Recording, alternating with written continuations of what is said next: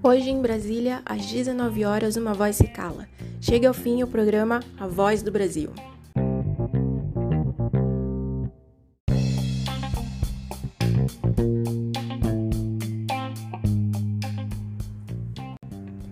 Após o presidente Jair Bolsonaro sancionar uma lei permitindo o fim da obrigatoriedade de transmissão, chega ao fim um dos programas de maior tradição do rádio no país.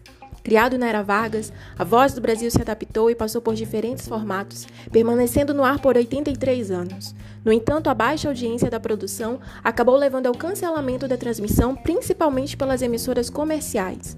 Após décadas fazendo parte da rotina de inúmeros cidadãos, hoje a Voz do Brasil se cala, mas não sem antes deixar seu legado para a história do rádio brasileiro.